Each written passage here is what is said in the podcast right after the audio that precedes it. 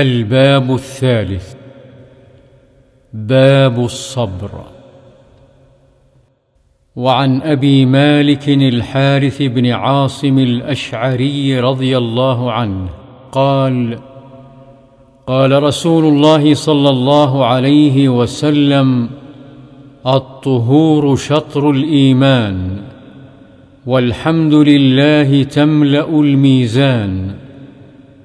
وسبحان الله والحمد لله تملان أو تملأ ما بين السماوات والأرض والصلاة نور والصدقة برهان والصبر ضياء والقرآن حجة لك أو عليك كل الناس يغدو فبائع نفسه فمعتقها أو موبقها. رواه مسلم. وعن أبي سعيد سعد بن مالك بن سنان الخدري رضي الله عنه. إن ناسا من الأنصار سألوا رسول الله صلى الله عليه وسلم فأعطاهم. ثم سألوه فأعطاهم حتى نفد ما عنده. فقال لهم حين أنفق كل شيء بيده ما يكن من خير فلن أدخره عنكم ومن يستعفف يعفه الله ومن يستغن يغنه الله.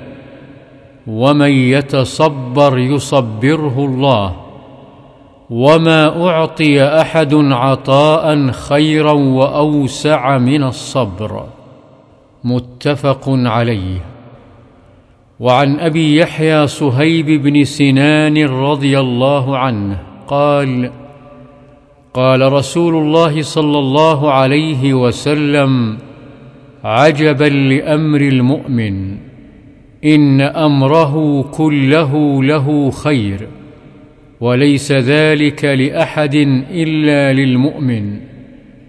إن أصابته سراء شكر فكان خيرا له وإن أصابته ضراء صبر فكان خيرا له. رواه مسلم. وعن أنس رضي الله عنه قال لما ثقل النبي صلى الله عليه وسلم جعل يتغشاه الكرب فقالت فاطمة رضي الله عنها وكرب أبتاه. فقال ليس على أبيك كرب بعد اليوم. فلما مات قالت يا أبتاه. أجاب ربا دعاه يا أبتاه جنة الفردوس مأواه يا أبتاه إلى جبريل ننعاه. فلما دفن قالت فاطمة رضي الله عنها أطابت أنفسكم أن تحثوا على رسول الله صلى الله عليه وسلم التراب.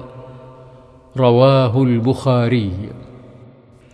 وعن أبي زيد أسامة بن زيد بن حارثة مولى رسول الله صلى الله عليه وسلم وحبه وابن حبه رضي الله عنهما قال أرسلت بنت النبي صلى الله عليه وسلم إن ابني قد احتضر فاشهدنا فأرسل يقرئ السلام ويقول إن لله ما أخذ وله ما أعطى وكل شيء عنده بأجل مسمى فلتصبر ولتحتسب. فأرسلت إليه تقسم عليه ليأتينها فقام ومعه سعد بن عبادة ومعاذ بن جبل وأبي بن كعب وزيد بن ثابت ورجال رضي الله عنهم. فرفع إلى رسول الله صلى الله عليه وسلم الصبي فأقعده في حجره ونفسه تقعقع ففاضت عيناه فقال سعد يا رسول الله ما هذا؟ فقال هذه رحمة جعلها الله تعالى في قلوب عباده وفي رواية في قلوب من شاء من عباده. وإنما يرحم الله من عباده الرحماء. متفق عليه. وعن صهيب رضي الله عنه أن رسول الله صلى الله عليه وسلم قال كان ملك في من كان قبلكم وكان له ساحر. فلما كبر قال للملك إني قد كبرت فابعث إلي غلاما أعلمه السحر. فبعث إليه غلاما يعلمه وكان في طريقه إذا سلك راهب. فقعد إليه وسمع كلامه فأعجبه. وكان إذا أتى الساحر مر بالراهب وقعد إليه.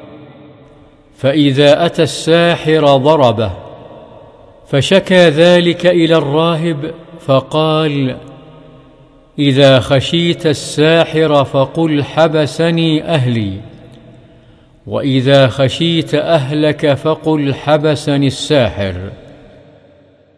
فبينما هو على ذلك إذ أتى على دابة عظيمة قد حبست الناس فقال اليوم أعلم الساحر أفضل أم الراهب أفضل؟ فأخذ حجرا فقال اللهم إن كان أمر الراهب أحب إليك من أمر الساحر فاقتل هذه الدابة حتى يمضي الناس.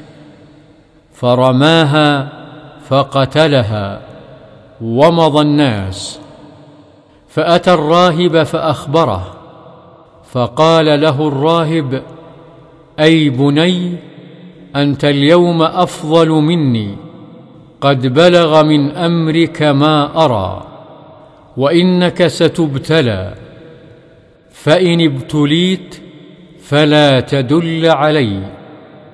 وكان الغلام يبرئ الأكمه والأبرص ويداوي الناس من سائر الأدواء.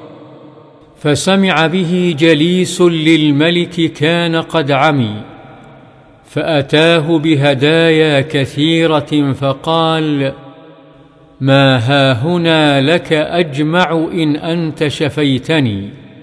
فقال إني لا أشفي أحدا إنما يشفي الله تعالى. فإن آمنت بالله تعالى دعوت الله فشفاك. فآمن بالله تعالى فشفاه الله تعالى. فأتى الملك فجلس إليه كما كان يجلس. فقال له الملك من رد عليك بصرك؟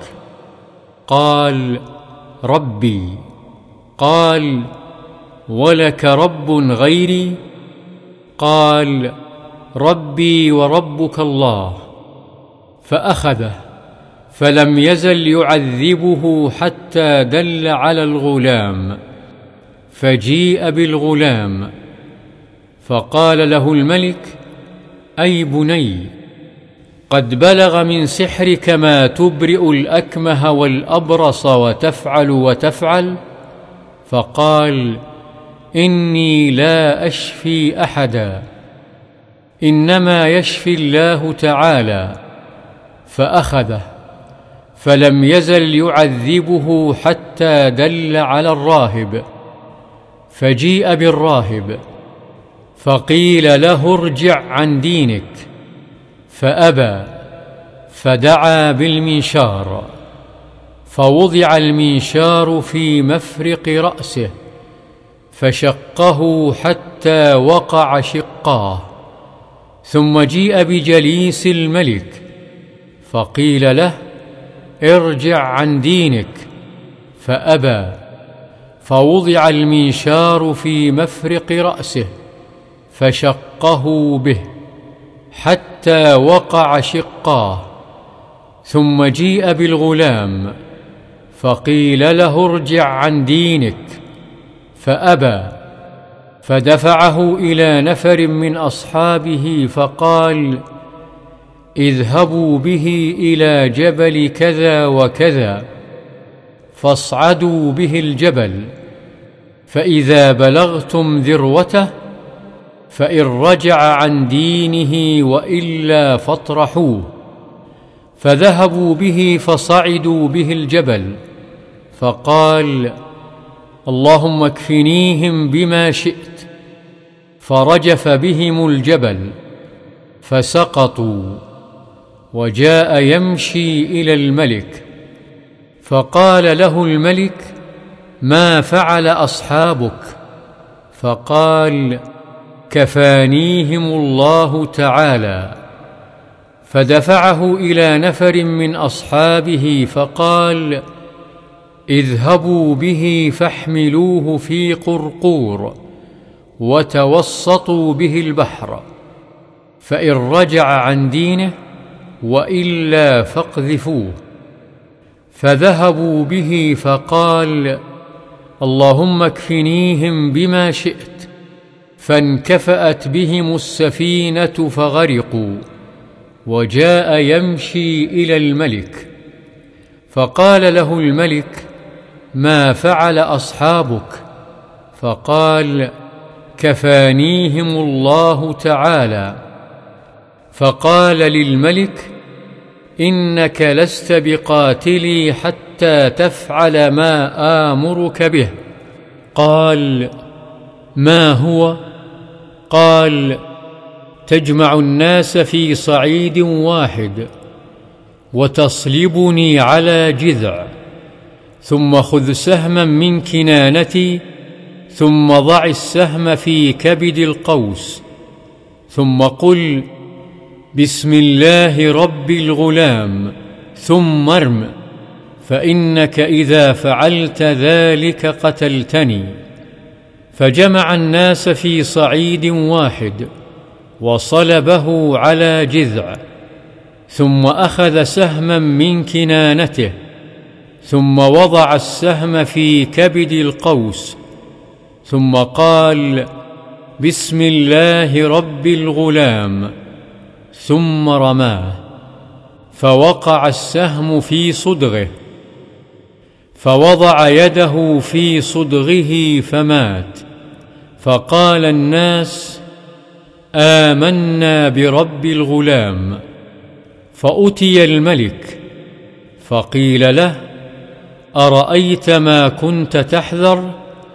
قد والله نزل بك حذرك قد آمن الناس. فأمر بالأخدود بأفواه السكك فخدت وأضرم فيها النيران. وقال من لم يرجع عن دينه فأقحموه فيها أو قيل له اقتحم ففعلوا حتى جاءت امرأة ومعها صبي لها فتقاعست أن تقع فيها. فقال لها الغلام يا أماه اصبري فإنك على الحق. رواه مسلم. ذروة الجبل أعلاه وهي بكسر الذال المعجمة وضمها. والقرقور بضم القافين نوع من السفن والصعيد هنا الأرض البارزة والأخدود الشقوق في الأرض كالنهر الصغير. أضرم أوقد وانكفأت أي انقلبت وتقاعست توقفت وجبنت. وعن أنس رضي الله عنه قال مر النبي صلى الله عليه وسلم بامرأة تبكي عند قبر فقال اتق الله واصبري. فقالت إليك عني فإنك لم تصب بمصيبتي ولم تعرف فقيل لها إنه النبي صلى الله عليه وسلم. فأتت باب النبي صلى الله عليه وسلم فلم تجد عنده بوابين فقالت لم أعرفك. فقال إنما الصبر عند الصدمة الأولى. متفق عليه. وفي رواية لمسلم تبكي على صبي لها. وعن أبي هريرة رضي الله عنه أن رسول الله صلى الله عليه وسلم قال يقول الله تعالى ما لعبد المؤمن عندي جزاء إذا قبضت صفيه من أهل الدنيا ثم احتسبه إلا الجنة. رواه البخاري. وعن عائشة رضي الله عنها أنها سألت رسول الله صلى الله عليه وسلم عن الطاعون فأخبرها أنه كان عذابا يبعثه الله تعالى على من يشاء فجعله الله تعالى رحمة للمؤمنين. فليس من عبد يقع في الطاعون فيمكث في بلده صابرا محتسبا يعلم أنه لا يصيبه إلا ما كتب الله له إلا كان له مثل أجر الشهيد. رواه البخاري. وعن أنس رضي الله عنه قال سمعت رسول الله صلى الله عليه وسلم يقول إن الله عز وجل قال إذا ابتليت عبدي بحبيبتيه فصبر عوضته منهما الجنة يريد عينيه. رواه البخاري. وعن عطاء بن أبي رباح قال قال لابن عباس رضي الله عنه ألا أريك امرأة من أهل الجنة؟ فقلت بلى. قال هذه المرأة السوداء. أتت النبي صلى الله عليه وسلم فقالت إني أسرع وإني أتكشف فادعوا الله تعالى لي. قال إن شئت صبرت ولك الجنة وإن شئت دعوت الله تعالى أن يعافيك. فقالت أصبر. فقالت إني أتكشف فادعوا الله ألا أتكشف. فدعا لها. متفق عليه. وعن أبي عبد الرحمن عبد الله بن مسعود رضي الله عنه قال كأني أنظر إلى رسول الله صلى الله عليه وسلم يحكي نبيا من الأنبياء صلوات الله وسلامه عليهم ضربه قومه فأدموه وهو يمسح الدم عن وجهه ويقول اللهم اغفر لقومي فإنهم لا يعلمون. متفق عليه.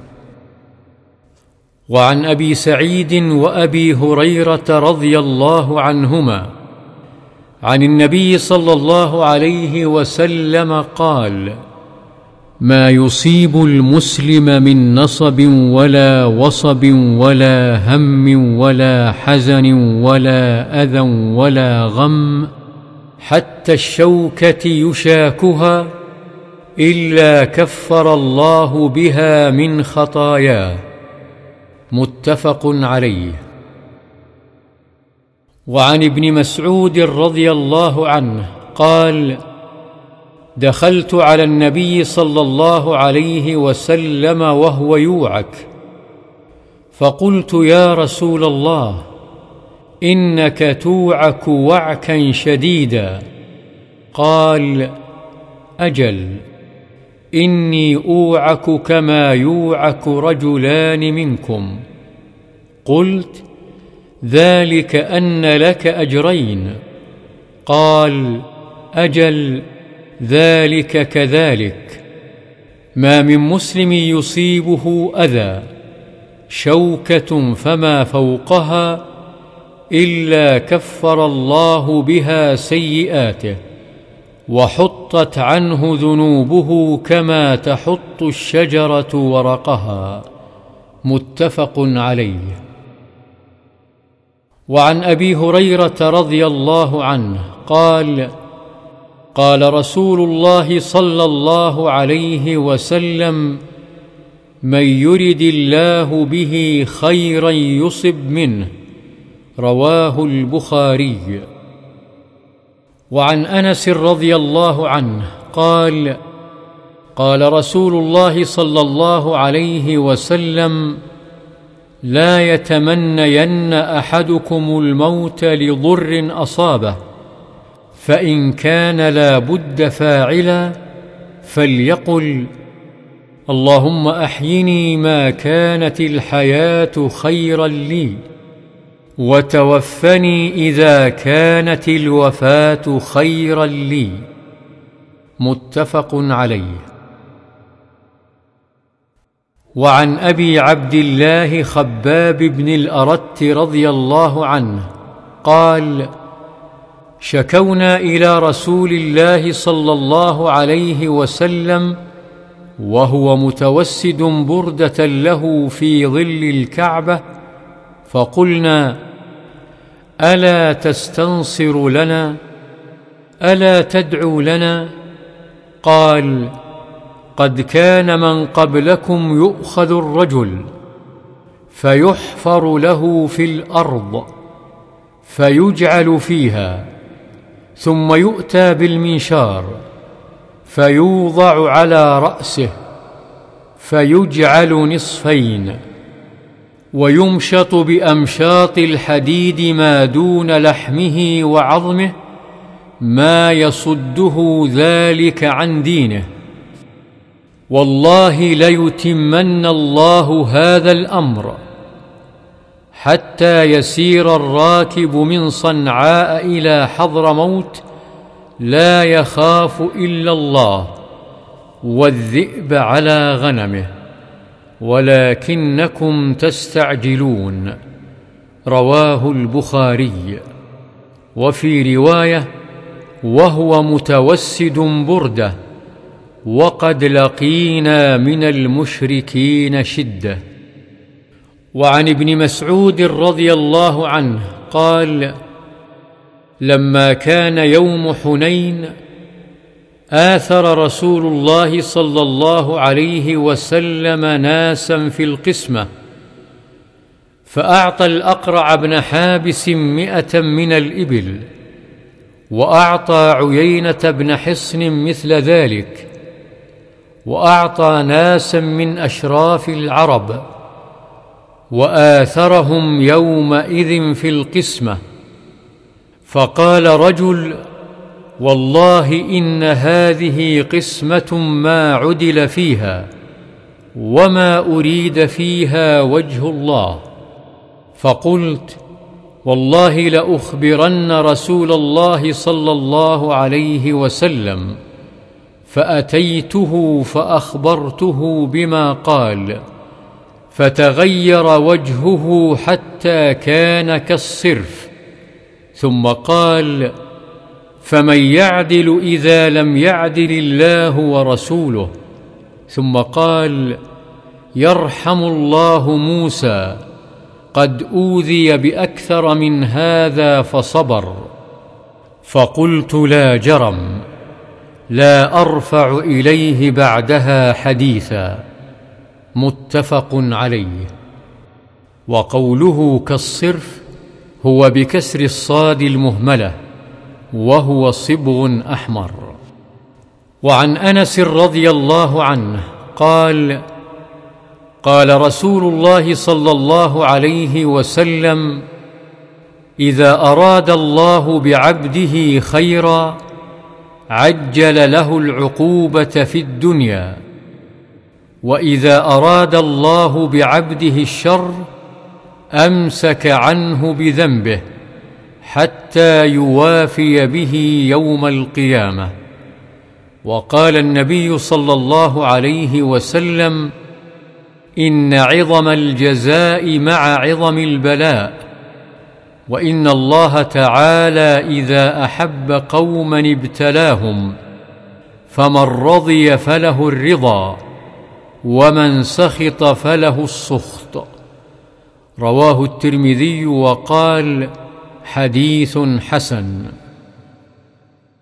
وعن أنس رضي الله عنه قال كان ابن لأبي طلحة رضي الله عنه يشتكي فخرج أبو طلحة فقبض الصبي فلما رجع أبو طلحة قال ما فعل ابني؟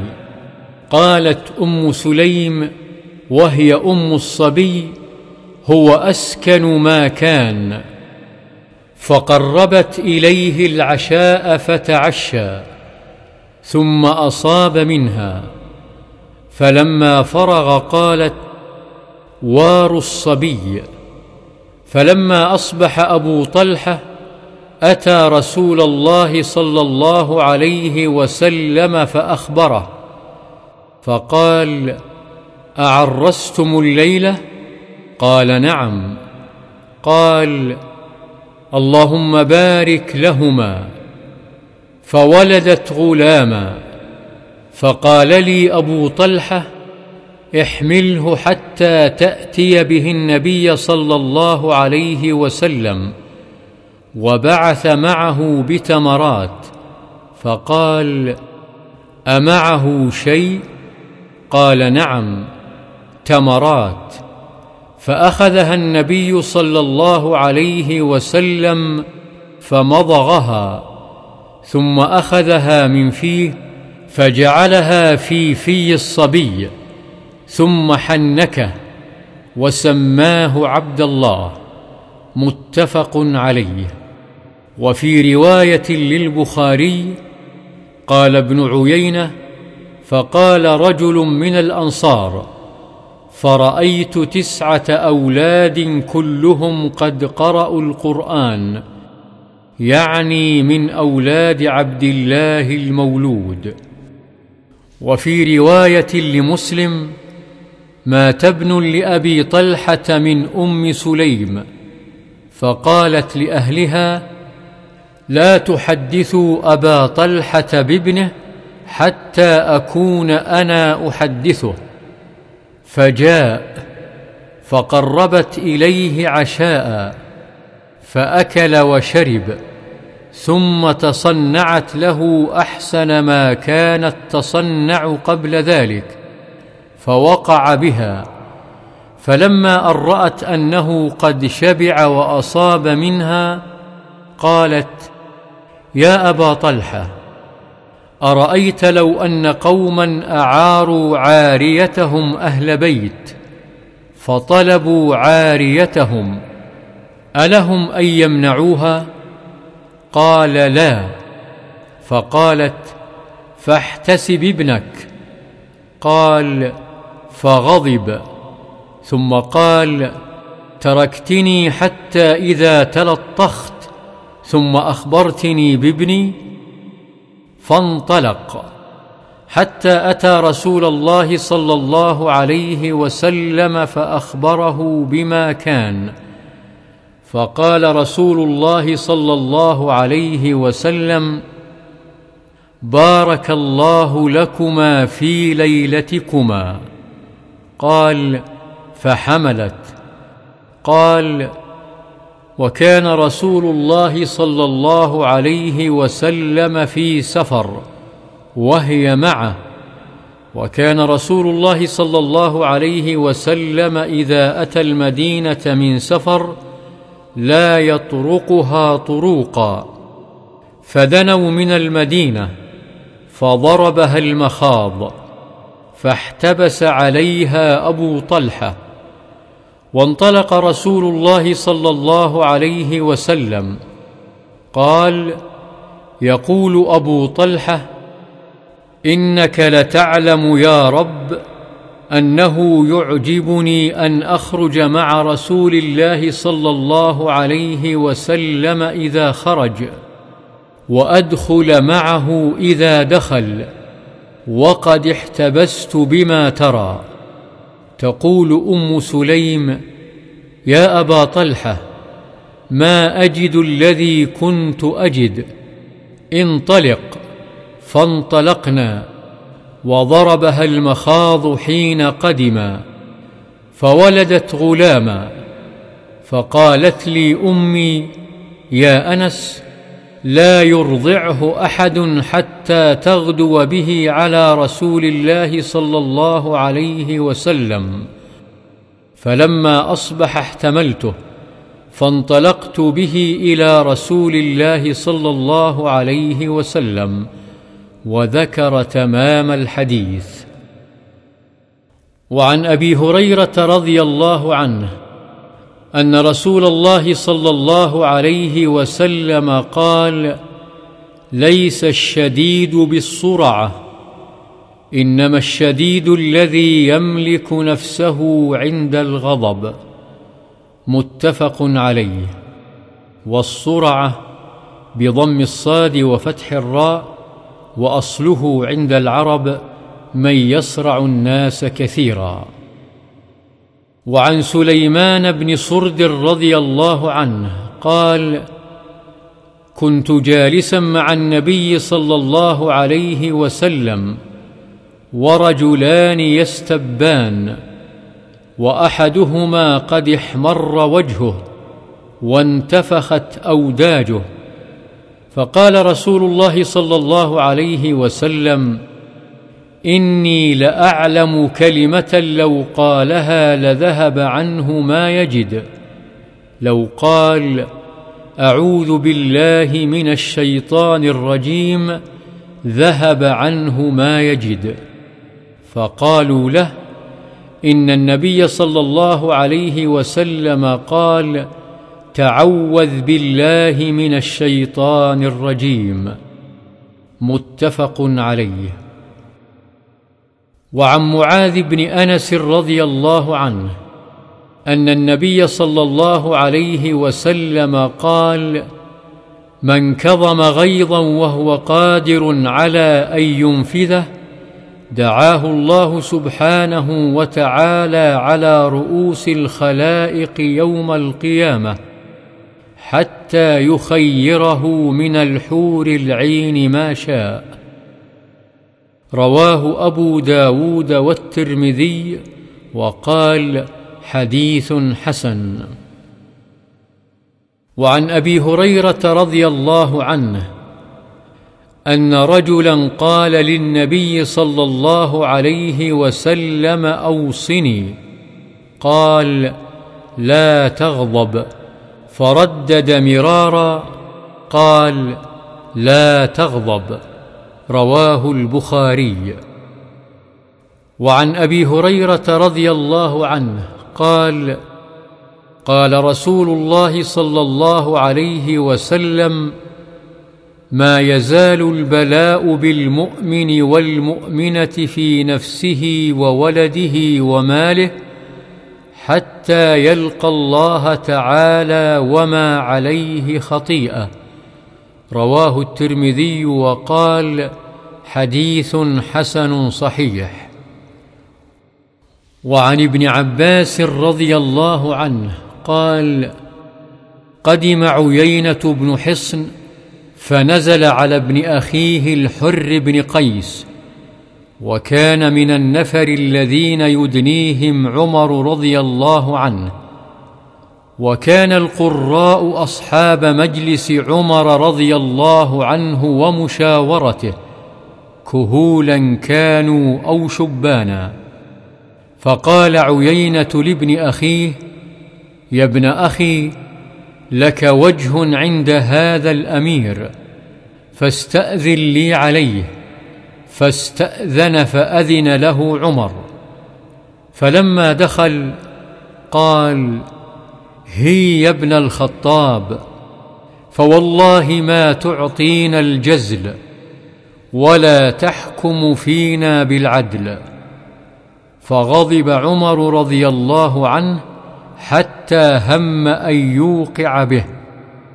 فقال له الحر يا أمير المؤمنين إن الله تعالى قال لنبيه صلى الله عليه وسلم خذ العفو وأمر بالعرف وأعرض عن الجاهلين. وإن هذا من الجاهلين. والله ما جاوزها عمر حين تلاها وكان وقافا عند كتاب الله تعالى. رواه البخاري. وعن ابن مسعود رضي الله عنه أن رسول الله صلى الله عليه وسلم قال إنها ستكون بعدي أثره وأمور تنكرونها. قالوا يا رسول الله فماذا تأمرنا؟ قال تؤدون الحق الذي عليكم وتسألون الله الذي لكم. متفق عليه. والأثرة الانفراد بالشيء عمن له فيه حق. وعن أبي يحيى أسيد بن حضير رضي الله عنه أن رجلا من الأنصار قال يا رسول الله ألا تستعملني كما استعملت فلانا وفلانا؟ فقال إنكم ستلقون بعدي أثره. فاصبروا حتى تلقوني على الحوض. متفق عليه. وأسيد بضم الهمزة. وحضير بحاء مهملة مضمومة. وضاد معجمة مفتوحة. والله أعلم. وعن أبي إبراهيم عبد الله بن أبي أوفى رضي الله عنهما أن رسول الله صلى الله عليه وسلم في بعض أيامه التي لقي فيها العدو انتظر حتى إذا مالت الشمس قام فيهم فقال يا أيها الناس لا تتمنوا لقاء العدو واسألوا الله العافية. فإذا لقيتموهم فاصبروا واعلموا أن الجنة تحت ظلال السيوف. ثم قال النبي صلى الله عليه وسلم اللهم منزل الكتاب ومجري السحاب وهازم الأحزاب اهزمهم وانصرنا عليهم.